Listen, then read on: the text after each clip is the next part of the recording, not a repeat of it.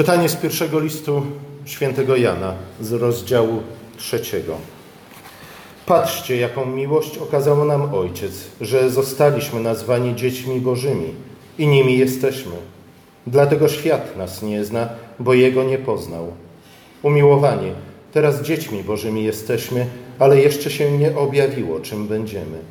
Lecz wiemy, że gdy się objawi, będziemy do Niego podobni, gdyż ujrzymy Go takim, jakim jest.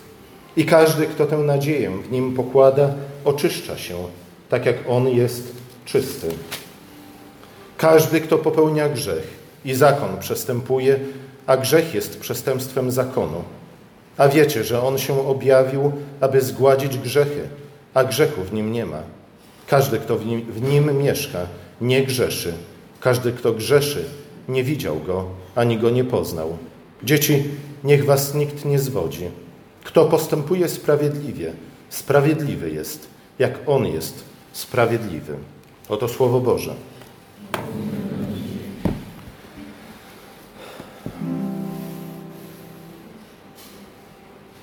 Później. Druga osoba Trójcy Świętej, Bóg Syn, Słowo stało się ciałem. Innymi słowy, stało się ludzkim dziecięciem, po to, abyśmy my stali się dziećmi Bożymi. I to jest część Ewangelii, jaką znajdujemy w Piśmie Świętym. O tej Ewangelii mówi innymi Jan w swoim pierwszym liście. Bóg stał się ludzkim dzieckiem, po to, abyśmy my, dzieci Adama i Ewy, stali się dziećmi Bożymi. Ale co to tak naprawdę znaczy? Jan w tym fragmencie uchyla nam rąbka tajemnicy. Co to znaczy, że jesteśmy dziećmi Bożymi? Oczywiście każdy z nas chciałby być dzieckiem Bożym, czyż nie? No bo któż chciałby być dzieckiem diabła i szatana i mieć węża za swojego ojca? No mało kto. Mam nadzieję, że nikt z nas tutaj zebranych. Ale co to znaczy być dzieckiem Bożym? Jacy bylibyśmy, gdybyśmy kiedyś, być może, stali się dziećmi Bożymi? Co byśmy robili? Jakie moce i przywileje byśmy posiedli? Może moglibyśmy skakać na chmurkach jak aniołki. Tak pewnie dzieci wyobrażają sobie to, co to znaczy być dziećmi Bożymi. Może chcielibyśmy wrócić do ogrodu i cieszyć się niezakłóconą błogością, licząc na to, że Pan Bóg drugi raz nie pośle tam węża. Może przestałaby nas boleć głowa i stawy. Może nie brakowałoby nam już nigdy pieniędzy. Może nie musielibyśmy wykonywać pracy, która nie spełnia naszych aspiracji. Może nie musielibyśmy chodzić do szkoły. Może cieszylibyśmy się pełną swobodą, niczym nieograniczoną. Nieograniczoną ani przez braki, brak możliwości, ani też ludzką złością i zawiścią. Czy to znaczy być dzieckiem Bożym? Niestety, nie za bardzo. Jan tłumaczy nam, co to znaczy być dzieckiem Bożym. Wcześniej w swojej Ewangelii, w prologu, w prologu stwierdził, że Słowo stało się ciałem. Czyli Bóg stał się dzieckiem ludzkim, po to, aby dać nam moc, aby stać się dziećmi Bożymi. Tym, którzy uwierzyli w nie, którzy je przyjęli. W pierwszym liście Jan wraca do tej myśli i pisze, że tak naprawdę już jesteśmy dziećmi Bożymi, gdyż zostaliśmy nimi nazwani. Innymi słowy, zostaliśmy powołani przez samego Boga na dzieci Boże. Już jesteśmy podobni do Niego. I dlatego świat reaguje na nas w podobny sposób, w jaki zareagował na Chrystusa. Światłość prawdziwa przyszła na świat, a jednak świat jej nie pojął. Albo raczej nie przyjął. Bo i tak, i tak można tłumaczyć ten tekst. Tutaj Jan mówi, w podobny sposób świat reaguje na dzieci Boże. Już jesteśmy w tym podobni, ze względu na to, że jesteśmy dziećmi Bożymi. A jednak wciąż Jan mówi, wzrastamy na podobieństwo Chrystusa, ze względu na to, że tak do końca jeszcze nie wiemy, czym będziemy jako dzieci Boże. Dowiemy się dopiero wtedy, gdy osiągniemy pełnię podobieństwa. Wtedy Ty zobaczymy Go takim, jaki jest. Ale z drugiej strony Jan przecież mówi nam, że już zobaczyliśmy Boga takiego, jaki jest. A zobaczyliśmy Go właśnie w Chrystusie Jezusie.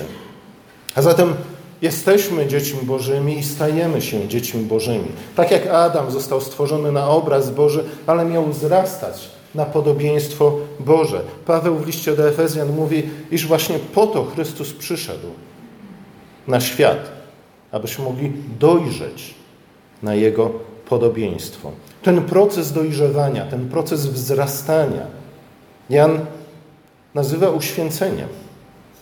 I polega on na stawaniu się świętymi, czy też czystymi, tak jak On jest święty. Konkretnie Jan mówi, polega on na odchodzeniu od bezprawia, od wszelkiej nikczemności, na odwracaniu się od grzechu i na czynieniu sprawiedliwości. Bo tak naprawdę to znaczy być dzieckiem Bożym. Bycie świętym jest tu tożsame z byciem sprawiedliwym. Bóg Syn stał się człowiekiem, aby uczynić nas dziećmi Bożymi, a uczynił to przez uwolnienie nas od grzechu, ale również przez doprowadzenie nas do dojrzałości, poprzez wychowanie w sprawiedliwości. Te dwa aspekty są z sobą nierozerwalnie powiązane. Odrzućmy jeden, a zniszczymy drugi. Uwolnienie od grzechu bez uświęcenia, bez stawania się czystymi i sprawiedliwymi, świętymi, takimi jak Bóg jest święty, jest jak ziarno rzucone w glebę, które nie wydaje żadnego owocu. Z drugiej strony, nie sposób dojść do uświęcenia, czy też do świętości, jeśli tkwi się wciąż w pętach grzechu, jeśli wciąż kocha się to, co złe. Ziarno nie wyda owocu, jeśli nie umrze w ziemi. Pamiętajmy przy tym, że to właśnie sprawiedliwość była obiektem mesjańskiej i eschatologicznej nadziei Izraela. Iż w tekstach, które dzisiaj czytaliśmy, właśnie o tym była mowa. Ten, który przyjdzie, będzie królem sprawiedliwym i dlatego będzie księciem pokoju. Ten, który przychodzi, będzie naszym sędzią. I znów co to znaczy być sędzią. Nie kształtujmy naszego wyobrażenia o Bogu, czy też o Chrystusie jako sędzi na podstawie tego, co dzisiaj czytamy w gazetach, czy widzimy w telewizji. Kształtujmy raczej na podstawie na przykład księgi sędziów, gdzie widzimy, że każdy sędzia, którego Bóg wzbudził w Izraelu, był tym, który właśnie przynosił im prawo i sprawiedliwość i zaprowadzał pokój. Czasy mesjańskie opisywane były właśnie jako spotkanie z sobą łaski i wierności, jako pocałunek sprawiedliwości i pokoju, kiedy wierność wyrośnie z ziemi, a z nieba wyjrzy sprawiedliwość. Psalm 85. Królewska władza Mesjasza ma polegać na sprawiedliwych sądach, które przynoszą pokój Boży. Do właśnie to właśnie do tej nadziei nawiązała Maria w swoim hymnie, w którym mówi o zniweczeniu zamiarów ludzi wyniosłych i pysznych, a także o wywyższeniu tych, którzy są pokorni. I to będzie właśnie aktem łaskawości i wierności Boga, aktem Bożej sprawiedliwości. Podobnie Zachariasz mówi o wybawieniu od nieprzyjaciół, o wyzwoleniu z rąk prześladowców. W podobnych kategoriach także Jezus mówi o swojej misji, kiedy czyta z księgi proroka Izajasza w świątyni w synagodze w Nazarecie. Posłał mnie, abym ogłosił więźniom wyzwolenie, niewidomym przejrzenie, abym wziętych do niewoli wypuścił na wolność i ogłosił rok miłosierdzia Pana. Właśnie po to Bóg stał się człowiekiem Właśnie po to Słowo stało się ciałem, abyśmy doświadczyli Bożej sprawiedliwości. Druga osoba Trójcy Świętej stała się człowiekiem, aby ukrócić nieprawość, zadośćuczynić wszelkim krzywdom, sprawić, że już nikt nie będzie budował domu, aby ktoś inny w nim mieszkał, sprawić, że już nigdy nie będzie, że już nikt nigdy nie będzie zasadzał winnicy, aby kto inny miał ją splądrować. Przyszedł, aby usunąć, usunąć z ziemi wszelkiego oszczercę, łupieżcę, tyrana, despotę, abyśmy mogli odziedziczyć koniec końców nowe niebo i nową ziemię, w których mieszka sprawiedliwość. Ale znów, któż może odziedziczyć nową, nowe niebo i nową ziemię, w których mieszka sprawiedliwość? Kto może zamieszkać na świętej górze Pana? Tylko ten, kto nie skalał swoich rąk i serce ma czyste, kto nie zwrócił swej duszy ku nieczystości i nie przysięgał fałszywe. Zatem święte rzeczy dla świętych ludzi. Święte miejsce wymaga świętych mieszkańców.